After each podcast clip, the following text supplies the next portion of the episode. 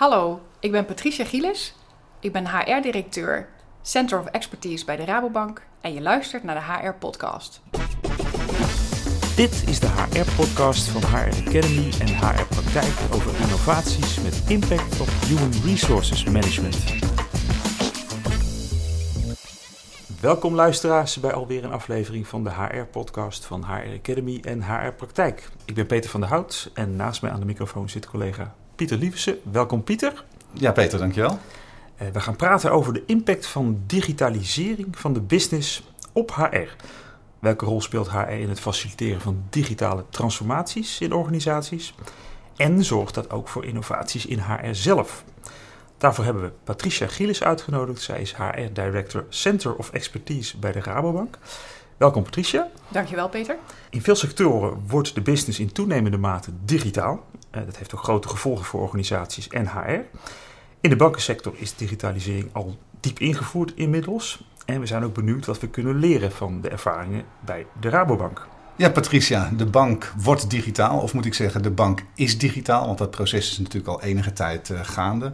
Allereerst ben ik benieuwd, staat HR aan de wieg van de digitalisering bij uh, de Rabobank? Of anders gezegd, is HR betrokken geweest bij het uitzetten van de koers van de digitale toekomst? Of is dat proces aan de top uitgezet en faciliteert HR? Het is aan de top uitgezet, maar in de top, dus in de groepsdirectie, zit onze Chief HR Officer. En zij heeft eh, op basis van onderzoeken die we hebben gedaan rondom de toekomst van werk en de digitalisering en de wereldwijde trends die wij zien, input geleverd voor de digitaliseringsstrategie van de Rabobank. Mm -hmm. Wanneer begon de digitalisering dan echt impact te krijgen op HR? Eigenlijk is dat al wel meer dan tien jaar geleden. Mm -hmm. Alleen werd er toen nog veel meer gewerkt vanuit wat HR dacht dat nodig was. Mm -hmm. En op het moment dat de digitaliseringsstrategie voor de hele bank veel meer het gezicht kreeg van hoe bouw je nou een klantenreis, ja. ging HR ook voelen mm -hmm. hoe bouw je nou een medewerkerreis. En op dit moment komen die twee paden steeds dichter bij elkaar. Mm -hmm. Okay. en, en, en hoe komt dat dan binnen? Uh, hoe begint HR dat dan te voelen? Nou, eigenlijk primair doordat je merkt dat de behoeften en de wensen en vragen van de business veel sneller veranderen dan dat HR op kan schakelen. Mm -hmm. En de tweede component was dat de vragen van de medewerkers veranderden. Ja. En ze werden ook veel, veel eisender trouwens. Voor, van wat hebben we nou nodig van HR? Betekent dat dan dat eigenlijk de transformatie bij HR primair is begonnen? Want misschien moest de HR-afdeling zelf wel eerst op de schop. Dat, dat is altijd ingewikkeld. Hè? Moet mm -hmm. HR nou voorop lopen en in eerste instantie zelf die transformatie door? Ja. Of moet je HR in haar basis houden zoals die is en de business begeleiden in de transformatie, waarna je daarna de beweging binnen HR gaat mm -hmm. maken? Wat wij hebben gedaan drie jaar geleden is de transformatie voor HR ingezet. Maar toen was in feite de beweging binnen de bank al lang op gang. Mm -hmm. De Rabobank moest daarin wel een inhaalslag maken qua digitaliseringsvraagstukken. En heeft daarin heel snel op moeten schalen. Het is lastig om daar echt een goede afweging in te mm -hmm. Wat ik merk is dat als we niet snel genoeg parallel lopen met de vraagstukken van de business, dat HR eigenlijk altijd een stap achterloopt. En dat kan natuurlijk niet. Mm -hmm. Je wilt een stap vooruit lopen om die bank richting te geven. En hoe geef je nou invulling aan die verandering? Hoe heeft dat dan praktisch handen en voeten gekregen? Als je zegt van wij moesten zelf ook die transformatie doormaken. Wat betekende dat dan voor HR? Nou, we hebben eerst drie jaar geleden onderzoek gedaan naar wat moet, moeten de HR-collega's nou eigenlijk weten, kennen, kunnen. -hmm. En daar hebben we bewegingen in gemaakt. En dat heeft ook geleid tot een reorganisatie. En daarbij is ook afscheid genomen van best wel veel collega's. Daarnaast, na die reorganisatie, gaan we, zijn we gaan bouwen aan de kennis en vaardigheden van de medewerkers zelf. En zijn we ook gaan investeren in werken met data. In mm -hmm. plaats van werken op basis van je gevoel en je expertise, wat we eigenlijk al jarenlang deden. Ja. En daar zijn we de mensen voor gaan opleiden. Mm -hmm. En als derde parallel daaraan zijn we de mensen gaan trainen in werken in sprints bijvoorbeeld. Dus hoe bouw je nou een product en hoe ziet dat er nou uit in de keten? En dat was een hele andere manier van werken, waarbij je zag dat er onderlinge afhankelijkheden kwamen tussen HR-professionals die voorheen nou ja, eigenlijk geïsoleerd hun werk konden doen. En nu ja. ineens merkten, hé, hey, om daarin succesvol te zijn heb ik mijn collega nodig. Mm -hmm. En met dat traject zijn we eigenlijk drie jaar geleden gestart. En toen HR eigenlijk ook de transformatie begon door te maken, heeft dat dan ook nog een versnelling gebracht richting de business? Of is eigenlijk door die transformatie HR in het spoor gekomen om de snelheid van de business te volgen? Nou, dus ik heb eigenlijk ehm, zou ik dat op twee manieren kunnen benaderen. Dus de mhm. ene is, we zijn op de snelheid van het spoor van de business gekomen uiteindelijk. En aan de andere kant, door de kennis en expertise die wij zelf ook op hebben gedaan, zijn wij er ook in geslaagd om op dit moment al voor 2500 mensen een omgeving neer te zetten. Waarin ook de medewerkers van de bank, dus niet SEC HR, maar ook de medewerkers, ook in ketens zijn gaan werken en in multidisciplinaire teams. Mhm. Dus daar waar we de verandering zelf door hebben gemaakt, de Rabobank heeft 40.000 medewerkers, zitten wij nu ook aan de vooravond van de veranderingen die de business. Uh, nou ja, wil doormaken om uiteindelijk die klant goed te kunnen bedienen. En de 2500 mensen waar je het over hebt, dat zijn 2500 HR-collega's? Nee, dat zijn mensen uit de business. Ja, Juist. dus die de klant rechtstreeks bedienen. Ja, om het stapje te maken naar inderdaad de brede uh, bemensing bij Rabobank, even los van de HR-functie. We hebben het dan eigenlijk over strategische personeelsplanningen met die digitaliseringsslag die al een tijd gaande is. Um, hoe, ja, hoe, hoe heb je dat eigenlijk vanuit HR opgepakt? We hebben in eerste instantie gekeken naar allerlei trends en onderzoeken. Dus wat manifesteert zich nou eigenlijk wereldwijd? En daar zagen we wel een aantal dingen, zoals bijvoorbeeld dat vraagstukken rondom pluriformiteit en inclusie dominant worden. Mhm. Maar dat ook open netwerkorganisaties veel groter worden. Dus de samenwerking tussen bedrijven, hè, dus, eh, maar ook bij de Rabobank, als je zo groot bent, de samenwerking tussen verschillende afdelingen, dat dat op een andere manier vorm en invulling krijgt. En privacywetgeving werd steeds belangrijker. Zo hebben we zeven grote trends in beeld gebracht. En die zijn we allemaal aan het vertalen naar wat moeten mensen dan weten, kennen, kunnen. Het World Economic Forum heeft daar een rapport ook over geschreven. Welke vaardigheden moeten mensen nou hebben in 2020, 2025? Daar zijn zij op future skills zijn ze uitgekomen. Toekomstige vaardigheden die medewerkers wereldwijd nodig hebben. Uh wij hebben ook naar die vaardigheden gekeken en er daar twee voor de Rabobank specifiek aan toegevoegd. Dus wij werken nu met 12 Rabo Skills. En die worden helemaal vervlochten in het complete opleidingswerk van de Rabobank. Dus van ons aanbod. Om de mensen voor te bereiden op wat heb je nou nodig over een aantal jaar. Om je werk op dat moment goed te kunnen doen. Maar ook om inzetbaar te blijven voor een toekomstige rol. En die 12 skills, is dat eigenlijk een subset van wat het World Economic eh, Forum heeft uitgedacht? Of zijn dat ze alle 12? Nee, het World Economic Forum heeft er 10 en wij hebben er twee aan toegevoegd. Aha. Dan ben ik wel benieuwd naar die twee dan. ja, dat dacht ik ja. ja. Nou, de eerste is reflectie en de zelfreflectie. En de tweede is storytelling. Okay. Omdat we merken dat het heel erg belangrijk wordt en is om mensen mee te nemen in het verhaal. En ook om goed uit te kunnen leggen wat heeft het voor meerwaarde voor jou? Dat kan de klant zijn, maar dat kan natuurlijk ook de medewerker zijn. Juist. En als je inderdaad, ehm, dat kan een van deze twee zijn, maar één zo'n skill eruit licht, wat is er vervolgens gebeurd om mensen zeg maar, daarin mee te, te nemen? Wij, wij zijn eerst gaan praten over de Rabo-skills en waarom we nou voor die twaalf hebben gekozen. En één voorbeeld ervan zijn, hè, dat is ook bijvoorbeeld sociale vaardigheden, maar ook ehm, het oplossen van complexe problemen omdat de snelheid van veranderen constant vraagt om een andere manier van denken en in de gelaagdheid van het oplossen van de problemen. Ja. Wij zijn er eerst over gaan praten met de medewerkers, met de leidinggevenden, met medezeggenschap, om gewoon wat bekendheid te krijgen over die Rabo skills en wat we van onze mensen vragen. En nu organiseren we iedere maand voor alle medewerkers van de Rabobank een DARE-event. En dat is DARE in de zin van D-A-E-R. En daar komt dan een inspirerende spreker van buitenaf die één van de Rabo skills toelicht. En daar gaan we dan met elkaar over in, in gesprek. En het hele mooie ervan is dat op het moment dat we hem lanceren, dus dat we de volgende weer aankondigen, is die ook binnen 10 minuten is die ook vol. En dan mhm. zitten er gewoon 300 man in de zaal. En dan komen ze vanuit heel Nederland, komen de collega's uh, luisteren naar het inspirerende verhaal. Maar we, lezen het, we nemen het natuurlijk ook op zodat de mensen die er niet bij kunnen zijn, uh, achteraf altijd ook nog uh, nou, een podcast kunnen beluisteren. Juist. Dat doen wij ook dan. Ja. En, en, wordt zo'n skill eigenlijk daarna ook nog geactiveerd? Hè? Dus uh, de medewerkers luisteren naar een inspirerende spreker. En is het dan iets van een speciaal programma waarin dat die specifieke skill voor een bepaalde periode centraal staat?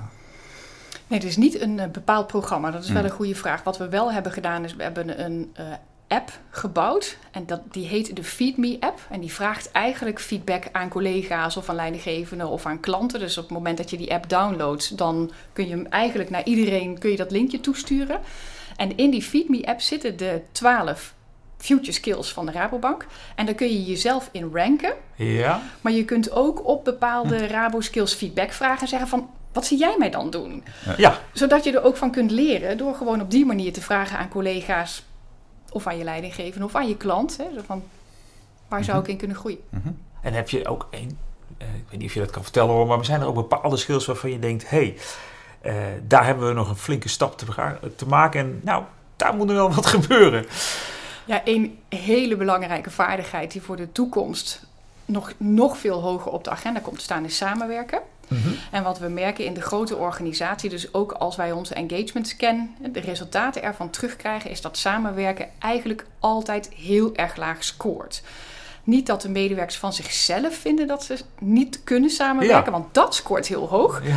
Maar al die anderen in de organisatie, die zijn daar veel minder goed in. En als medewerker, en dat snap ik wel in zo'n grote organisatie, als medewerker heb je daar last van. Die afhankelijkheden in de keten, die zijn, dat zijn soms echt drempels waarvan je niet weet hoe kom ik daar overheen. En die vaardigheid die wordt steeds belangrijker. Dus dat betekent dat wij dat ook mogelijk moeten gaan maken in de Ja. organisatie. En makkelijker ook. Ja, en wat, wat, wat gaan jullie daar aan doen? Nou, een van die dingen is om als je medewerker reizen bijvoorbeeld bouwt, of als je klant reizen bouwt, dan zit er in die hele reis zitten er allerlei verschillende stappen die je zet. En voor die stappen heb je specialisten nodig. En de ene keer is het een jurist, de andere keer is het een IT-specialist, dan is het een HR-collega, dan is het een commerciële accountmanager. Dus je hebt in ieder geval allemaal stappen die je zet en allemaal mensen daarvoor nodig. Nu zitten al deze verschillende rollen die ik noem in separate teams. Maar in de toekomst zitten die allemaal in één team. En dan heb je dus een multidisciplinair team die samen de klantreis bouwt of samen de medewerkerreis bouwt. En daarmee hef je in ieder geval een deel van die afhankelijkheden op. En zou samenwerken veel makkelijker moeten worden. En, en zijn de geaggregeerde klant- en medewerkersreizen, zijn dat dan de, is dat dan de basis voor je strategische personeelsplanning? Als jij uittekent van wat voor specialisaties of competenties heb ik dan nodig? Welke klantreizen zijn er? Hoeveel mensen zijn erbij betrokken? En rolt daar dan een soort van behoefte voor de toekomst uit? Nou, wel in algemene zin.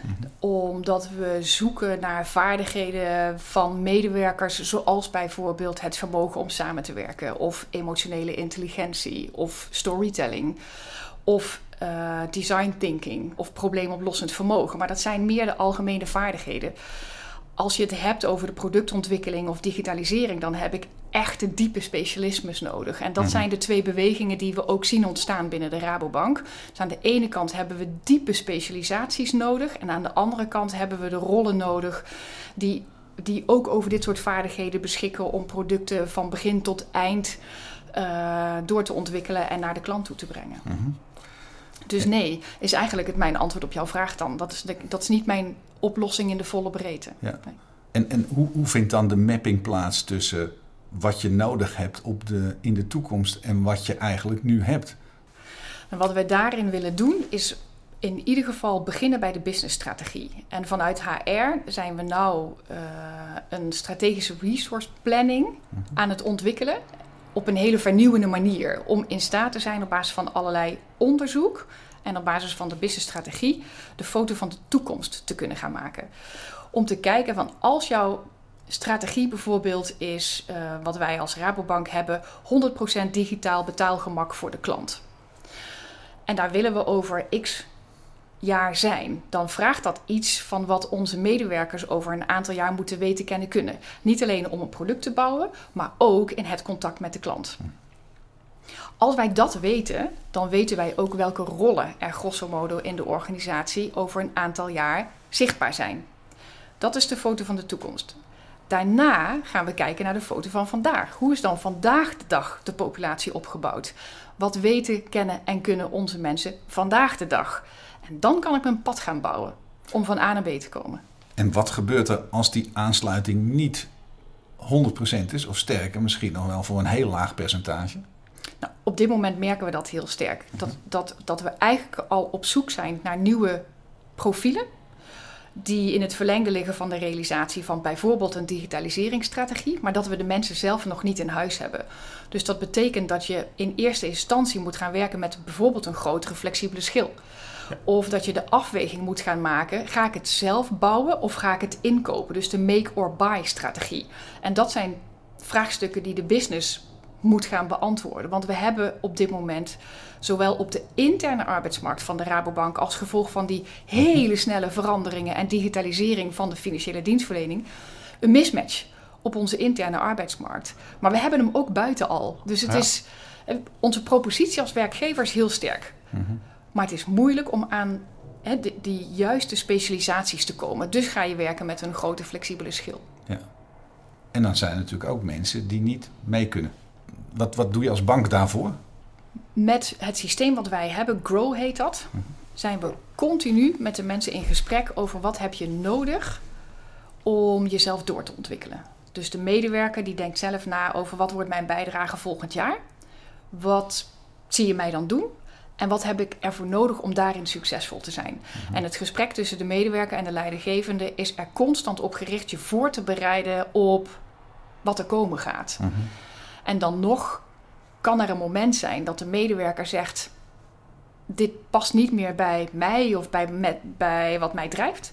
Of dat de leidinggevende zegt: Er is een mismatch en in deze rol ja, heb, mhm. jij, heb je geen toekomst bijvoorbeeld. En dan ga je andere gesprekken voeren. En jij zegt voorbereiden op de toekomst uh, of dat wat gaat komen. Maar is dat dan, is dan ook al bekend dat dat binnen of buiten de bank is? Niet in alle gevallen, maar soms wel. Mhm. het, als je, op dit moment werken wij binnen de bank bijvoorbeeld al met 180 robots. Maar dat zal de komende jaren zal dat vele malen meer worden. Zoals bijvoorbeeld in het telefonisch klantcontact zullen we steeds meer gaan werken met, met, met AI, dus met de artificial intelligence. Dat betekent dat wij deze mensen aan het voorbereiden zijn op hun volgende stap in hun loopbaan. Mhm. En niet in alle gevallen ligt die stap binnen de bank. Dus dan kijken wij naar branches buiten de bank waar wij deze mensen op voor zouden kunnen bereiden, omdat daar een goede fit, hè, een logische volgende loopbaanstap zichtbaar wordt. Mhm. En daar willen we ze dan bij helpen. Ja, jullie hebben ook al een aardig voorbeeld volgens mij van zo'n eh, brancheoverstijgende eh, mobiliteit. Eh, van Gabo naar Pabo heb ik gehoord. Kan je er iets meer over vertellen hoe dat werkt? Ja, dat kan ik zeker. Wat wij zien in het onderwijs zijn heel erg veel vacatures op dit moment. En er zijn zeker veel vacatures op bijvoorbeeld ehm, vakken als wiskunde en economie. En het onderwijs is samen met ons eigenlijk gaan kijken wat zijn nou profielen van medewerkers van de Rabobank. Omdat zij heel vaak een wiskundige of bedrijfseconomische achtergrond hebben. En zou het dan niet mooi zijn als zij parttime of fulltime de stap richting het onderwijs zouden kunnen zetten. Dat heeft natuurlijk ook te maken met het investeren in duurzame inzetbaarheid van onze mensen, maar ook om te kijken naar een andere sector waar heel erg veel wervingsproblemen zijn en, en er constant tekorten zijn, waardoor klassen groter worden eh, en een enorme werkdruk voor de docenten. Dus wat kun je er nou aan doen om, dat, om daaraan bij te dragen? En hoe mooi zou het zijn als we onze mensen daarop voor kunnen bereiden als wij weten dat voor onze collega's het werk ophoudt te bestaan bij de Rabobank. Dus nu zijn we gestart met een pilot. Dus we hebben een onderwijsconvenant getekend samen met UWV en met de onderwijssector en met de, met de minister van Onderwijs ook een aantal maanden geleden. En we zijn nu gestart met een pilot. Er was ongelooflijk veel belangstelling voor. Ik geloof dat iets van 120 of 150 medewerkers van de bank zeiden: Mag ik meedoen met die pilot? Oké. Maar we hebben nu plek voor 60, dus we zijn gestart met 60. Hmm. En we gaan kijken hoe dat werkt. Uh, en ook welke faciliteiten de, de medewerkers dan nodig hebben. Uh, en op welke manier zij de stap richting onderwijs dan kunnen zetten. Ja, oké. Hm. Ja, maar heel, heel mooi voorbeeld, denk ik. Um, wat, wat, doet dat ondertussen met de business? Want je bent toch bezig met uh, mobiliteit, interne mobiliteit, soms ook met reorganisatie. Hoe houden jullie zeg maar toch de focus op de business? Want uiteindelijk gaat het natuurlijk daarom. Het is heel ingewikkeld. Dus de, de focus van de business is de focus op de klant. En wij weten dat op het moment dat medewerkers in onzekerheid verkeren of dat je in een reorganisatie komt, dat die focus naar binnen verschuift. Ja. Dat is eigenlijk niet wat je wil als Nee, business, nee. want je wilt de klant kunnen blijven Ja. bedienen. De vraagstukken die wij dan ook vanuit HR hebben, is hoe bouw je nou een omgeving waarin ook als die constant aan het veranderen is, de medewerker weet wat hij kan en weet wat hij wil. En daarin ook voldoende zelfvertrouwen heeft om daar ook zelf de regie op te kunnen blijven voeren. Dat, dat betekent dat we een aantal componenten die bij verandering leiden tot onzekerheid weg moeten halen. En een van die dingen is dat investeren in die duurzame inzetbaarheid. Maar de tweede component is ook dat de mensen zichzelf echt heel erg goed moeten kennen. En dat betekent dat we eigenlijk moeten starten met een hele andere manier van kijken naar wat heb jij nou nodig voor jouw ontwikkeling. Want de laatste decennia hebben we dat als werkgever constant gebracht naar de medewerker. Ja. Het is goed als jij dit leert. Ja. En nu gaan we van de medewerker vragen: wat heb jij nou nodig om inzetbaar te zijn en te blijven? En dus een onzekere omgeving zet jou in de overlevingsstand. Ja. En de overlevingsstand, dan stop jij met leren. En ik heb juist nodig van jou dat jij zoveel zelfvertrouwen hebt dat jij toch blijft leren, ook al weet je niet hoe morgen eruit ziet. Dat is, een, dat is een heel ingewikkeld vraagspel, waarbij ik ook met gedragswetenschappers aan het onderzoeken ben wat daarbinnen werkt, maar ook niet werkt. Oké, dus daar zijn jullie vanuit daar heel actief mee. Ehm, zijn er ook al dingetjes die jullie hebben ontdekt daar? Of een, een aanpak, een interventie waarvan je denkt... hé, hey, die gaan we specifiek eh, doen we nu om dit... Ja, om die medewerker inderdaad meer in die regierol te krijgen. Uit die overlevingsmodus. ja. Nou, we hebben toevallig net een paar weken geleden onderzoeksresultaten op eh, verandervermogen binnengekregen. Daar hebben we een hele specifieke groep binnen de Rabobank uitgehaald die boventallig was, hè, waarvan Ja. wij wisten jouw functie is komen te vervallen. En zijn we gaan onderzoeken wat is nou het verschil tussen medewerkers die wel actief investeren in inzetbaarheid en niet. Zitten daar andere, liggen daar andere drijfveren aan ten grondslag? Of om daar. Ik heb, en er waren eerste hypotheses, want we weten nog helemaal niks. Het is gewoon nog een, ja, een blanco pagina. En een aantal belangrijke inzichten die we hebben opgedaan is dat als jij investeert in jouw inzetbaarheid, dan is de kans 20% groter dat jij binnen drie maanden een andere baan vindt. Dan wanneer je dat niet doet. Ja. Als je dat niet doet, dan hebben we nu gezien bij medewerkers, dan hebben zij, zijn zij gemiddeld zes tot negen maanden langer werkeloos dan wanneer je investeert in jouw inzetbaarheid. En een drijfveer die heel erg belangrijk is voor de medewerkers die we hebben bevraagd, blijkt te zijn als jij bijvoorbeeld kostwinner bent. Mhm. En wat wij ook zagen, dat is ook heel erg interessant, is dat als wij in Grow, dus de gesprekken die we hebben met de medewerkers, aangeven dat jij een match bent, dus het goed doet, hè, dan kun je nog steeds boventallig worden omdat een functie ophoudt te bestaan. Ja. Maar als jij een match bent, dan ben jij minder gedreven om te investeren in jouw inzetbaarheid. Oké, En die was heel interessant. Hey, ja. Die mensen, die- dus er is, er is minder urgentie, Ja. lijkt. Hè? Er is geen burning platform, want je matcht ja. met de vaardigheden die je- nodig zijn voor je jouw dreigt functie. achterover te gaan leunen Ja. als medewerker dan. Ja. Maar je weet wel dat je je baan gaat kwijtraken als je niks doet. Ja. Dus dat is een ongelooflijk belangrijk inzicht. Waarmee ik niet wil zeggen dat we iedereen zouden moeten zeggen... jij voldoet dus niet meer, want daar gaat het helemaal niet Nee. om. Maar hoe trigger ik ze dan wel? Dus dat is de vraag. Hoe doe ik de juiste dingen zodat de medewerker in die activatiestand komt... en denkt, ik kan hier zelf de regie op voeren... en ik weet ook wat ik wil en ik weet ook wat ik kan. En even de stap te maken van de huidige bemensing naar eh, nieuwe mensen. Eh, je bent dan natuurlijk ook op zoek naar een heel ja, een ander type mens dan eh, voorheen het geval was. Wat doet dat voor je positionering als werkgever? We hebben daar juist vanwege die mismatch op die interne arbeidsmarkt, hebben wij onze ehm, wervingsstrategie aangepast. Zo van welke doelgroepen moeten wij nou eigenlijk gaan benaderen en waar bevinden zij zich in de markt?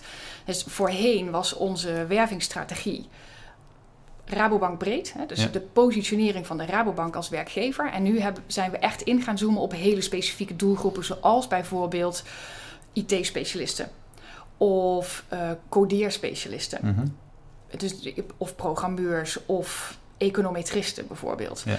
En daar hebben wij onze campagnes op gericht. Mhm. Dus dat heeft een verschuiving van de positionering van de Rabobank als werkgever betekend. Waardoor de andere groepen op zich, zij vinden ons nog steeds. Want we hebben de eerste helft van 2019 hebben we bijna 23.000 sollicitanten gehad. En er zijn ruim 2000 mensen aangenomen. Mhm. Dus het is niet zo dat ze ons daardoor niet meer vinden, maar we zien wel een verschuiving in belangstelling. Dus ook van IT-specialisten bijvoorbeeld, die ons nu makkelijker weten te vinden. En wat heel erg schaars is. En tegelijkertijd zien we ook dat waar je voorheen keek naar een opleiding of naar een cv, is dat we nu kijken naar wat zijn belangrijke drijfveren als klantfocus of klantgerichtheid heel erg belangrijk is. Waarom zoek ik dan niet binnen bijvoorbeeld eh, horeca of hogere hotelschool Mhm. naar, naar studenten die dat Ja. van nature eh, al aanspreekt. Mhm. En zo zijn we ook aan het kijken naar andere profielen. Dus als ik een eh, wiskundige nodig heb, dan kan ik ook binnen de sterrenkundige populatie gaan zoeken. Want zij, Ja. hebben, zij komen om dezelfde redenen uit bed, bijvoorbeeld. Ja, ja ik kan me voorstellen. En dat moet je weten. Ja, ja precies. Ehm, wat betreft ook de mensen die inmiddels de organisatie hebben verlaten, want die kunnen natuurlijk ook een rol spelen bij, bij werving. Ehm, wat doen jullie om te zorgen dat deze mensen toch ambassadeur blijven van, van, van de Rabobank, zodat ja, ze ook eh, wellicht nieuwe mensen kunnen aandragen? Of in ieder geval een goed woord, eh, een goed gevoel eraan overhouden. Nou, wat we in ieder geval doen, is dat wij podcasts hebben binnen de bank. Met testimonials van medewerkers die bij de bank hebben gewerkt. Die als gevolg van een reorganisatie de bank hebben verlaten. En opnieuw ergens zijn gestart. Ja. En dat kan zijn of als ZZP'er of in een ander dienstverband. Zodat Ja. wij, hen, wij, wij nodigen hen uit om hun verhalen te delen. En die publiceren we één keer per maand. Publiceren wij er een paar. En dat doen we ook via de vakbonden en via de Rabobonden. Dus dan hebben we verschillende campagnes, zodat mensen gewoon ervaringen van collega's eh, horen. Ja. In de hoop ook dat het minder spannend wordt ook. Want als je heel lang bij de organisatie hebt Ja. gewerkt Ja, en dan zeggen wij echt ontzettend bedankt, maar het houdt ook op hier. Mhm. Hoe vind je dan je andere toekomst? Dus dat is soms een geruststelling. Maar dat Mhm. is een van de dingen die we doen. Ehm, en ik denk, en cruciaal is ook dat als je wil dat je medewerkers als ambassadeur de organisatie verlaten, dan moet je vanaf dag één goed voor ze zorgen. Ja. Ja. En niet alleen op de laatste nee, dag. oké. Hey, nou is het proces van digitalisering dat is een eh, continuum natuurlijk. Dat houdt nooit op. Maar zou je toch kunnen duiden waar staan jullie nu eigenlijk in het digitaliseren van de bank? Is nou eigenlijk het grootste, is, heeft de grootste verbouwing ondertussen plaatsgevonden of zit je er nog middenin? Nou, ik denk dat we. Als je ziet hoe snel het gaat, Mhm. dan zou je denken dat we al een heel groot deel van de digitalisering achter de rug hebben. Maar we staan nog aan de vooravond ervan. Omdat AI nog ongekende mogelijkheden heeft, waarvan we nog niet eens weten welke er allemaal zijn. En dat willen we exploreren ook met start-ups bijvoorbeeld, maar ook door medewerkers erbij te betrekken. Als je tegelijkertijd, als je kijkt naar de digitale klantreizen, dan heeft de, onze app van de Rabobank voor het internetbankieren heeft al meer dan 100 functies. Dus je kunt eigenlijk je hele Mhm. financiën als individuele klant al volledig zelf regelen. Dat wil niet zeggen dat we daar niet op door kunnen, kunnen ontwikkelen. Mhm. Dus ik denk, nou, we ain't seen nothing yet bijna. Ik denk dat we echt nog steeds aan de vooravond staan. Maar dat wil niet zeggen dat de bank daarom blijft reorganiseren. Ja. Het is meer dat digitalisering zich doorontwikkelt in een steeds hoger tempo. Mhm. En dat wij voor de uitdaging staan om onze mensen daarop voor te bereiden, maar tegelijkertijd ook onze klanten daarin mee te nemen. En dan ook te kijken naar en wanneer heb je dat fysieke contact wel nodig? Of is er een groep die dat contact ook nodig heeft of nodig blijft hebben? Dus Mhm. We zijn Ja. er nog lang niet. En, en hoe staat dat voor de HR-functie? De transformatie eh, die je een jaar of drie geleden bent gestart, noemde je net. Ja. Ehm, is daar het, het grootste werk al gedaan? Nou, in de manier van werken Mhm. zijn we wel heel erg opgeschoven. Maar tegelijkertijd, als je kijkt naar hoe het vak zich aan het ontwikkelen is, ook in het verlengde van digitalisering en robotisering, dan over een jaar of vijf of zeven, dan is meer dan de helft van het werk wat wij vandaag de dag nog zelf doen, is gedigitaliseerd. Dus dat betekent dat je rol verandert Mhm. en significant verandert. En als je dan kijkt naar de vraagstukken van de business, dan zijn die heel erg data gedreven. Dus omdat wij vooruit kunnen gaan kijken met Ja. de data die wij hebben. Maar ook heel erg gericht op wat heeft die medewerker nou nodig om succesvol te zijn. De data wordt van de medewerker. En dat betekent dat wij daarbinnen constant moeten kijken: is de medewerker gelukkig? Kan die in deze omgeving succesvol zijn? En hoe kunnen wij hem of haar daarbij helpen? En daar zijn we nog niet. Ja, nou daar even op inhakend. Eh, als je inderdaad HR-collega's eh, die, eh, die, die luisteren ehm, iets wil meegeven over wat je zelf nu hebt meegemaakt met, met, met de digitalisering bij Rabobank en ook wat dat heeft teweeg heeft gebracht binnen HR zelf. Wat zijn voor jou een beetje de lessons learned die je zou willen delen dan? dat het heel mooi is als je kijkt naar de samenstelling van een HR-afdeling, als je ook daar diversiteit in aanbrengt. Is, wat ik merk is dat er een ongelooflijk grote toegevoegde waarde zit in als er op de HR-afdeling mensen zitten die uit de business komen. Of op de HR-afdeling mensen zitten die een andere opleidingsachtergrond hebben dan HR of psychologie of rechten. Ja. Maar juist bijvoorbeeld of bedrijfseconomie of iets heel anders. Ehm, dat heeft een hele grote toegevoegde waarde. En het investeren in je comfortabel maken met werken met data. En op basis daarvan gaan kijken wat heeft die business nou nodig of wat heeft die medewerker nodig. Dat vraagt een lange adem. En ik zou eigenlijk, als je er nog niet mee bent begonnen, zeggen: liever gisteren dan vandaag. En doe het in kleine stappen. Doe het echt in kleine stappen. Want het staat nog steeds ver van de HR-organisatie af. Terwijl de mogelijkheden eindeloos zijn. Zijn er ook nog dingen die je anders zou doen als je nu terug, terugkijkt? Er zijn altijd dingen die je anders had kunnen doen. Zoals bijvoorbeeld het makkelijker maken van de toegankelijkheid van data. De systemen die er nu zijn, die moeten we tot nu toe allemaal nog inkopen. En vaak zijn die heel erg complex in het gebruik. En dat zorgt voor een afstand en voor ja, koudwatervrees om in zo'n systeem in te loggen en dan met al die selecties te kijken naar Ja. Weet je, hoe kom ik dan tot een juist advies richting de business? Dus daar zou ik eigenlijk met bedrijven eerder naar hebben willen kijken. Om dat makkelijker te maken. En het tweede is dat los van data, HR is echt een vak. En daar mag je echt van overtuigd zijn. Iedereen heeft er een mening over. Dat maakt het ook soms heel moeilijk om goed aan tafel te zitten. De taal spreken van de business maakt het verschil. Als jij weet hoe een verdienmodel werkt, is jouw advies 70% effectiever dan wanneer je dat niet weet. Dus die is heel erg belangrijk. En het zelfvertrouwen hebben dat HR echt een vak is, maakt dat jij ook anders aan die tafel zit. En tegelijkertijd daagt het je uit om die verantwoordelijkheid dan ook te nemen. Dan ben je ook als werkgever zit je aan die tafel om de verantwoordelijkheid te nemen voor die medewerker. En dat betekent dat je de kunst moet bewaren van het nieuwsgierig zijn en vragen stellen. Ook vanuit je professie, maar ook vanuit de belevingswereld van de ander. En dat zijn drie facetten die ik tegen ben gekomen waarvan ik dacht van als ik daar eerder oog voor had gehad. Dus conform met werken met data, kennen van het verdienmodel van de business en de kunst van het vragen stellen, dan waren we vandaag verder geweest dan, we, dan waar we nu staan. Nou, dankjewel voor dit hele interessante gesprek en het delen van jouw ervaringen. Uh, we zijn hiermee aan het einde gekomen van deze aflevering van de HR-podcast over innovaties met impact op HR.